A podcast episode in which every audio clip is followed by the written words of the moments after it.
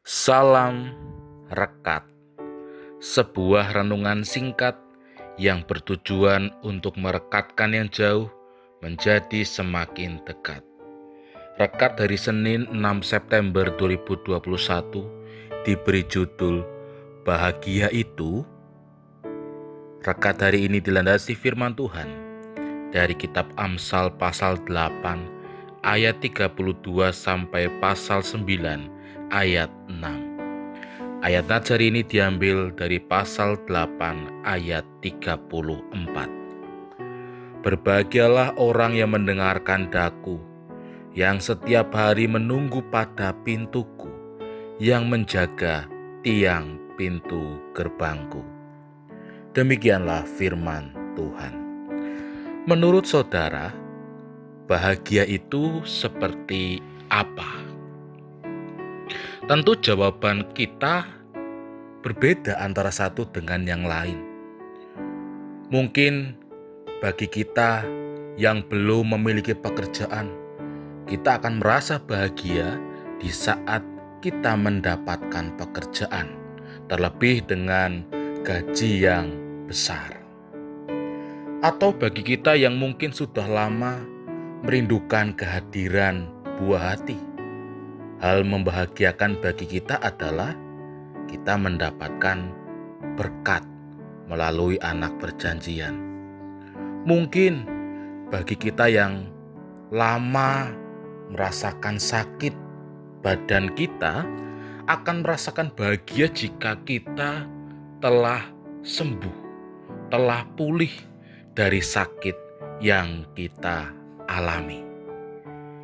Kitab Amsal yang saat ini kita baca merupakan nasihat bagi pembacanya untuk dapat berhikmat. Artinya di saat menghadapi berbagai macam dinamika kehidupan, kitab Amsal ini memberikan petunjuk supaya pendengarnya dapat berbahagia baik suka maupun duka. Bagaimana pendengar Amsal dapat berbahagia? Penulis Amsal mengatakan, "Berbahagialah orang yang mendengarkan daku, yang setiap hari menunggu pada pintuku, yang menjaga tiang pintu gerbangku."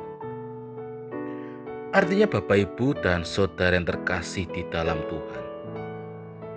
Kebahagiaan itu dapat terjadi di saat kita mau mendengarkan Tuhan. Kita mau menantikannya. Kita mau mengarahkan hati dan pikiran kita kepadanya. Untuk itu, berbahagialah dan dengarlah firman-Nya. Amin. Mari kita berdoa.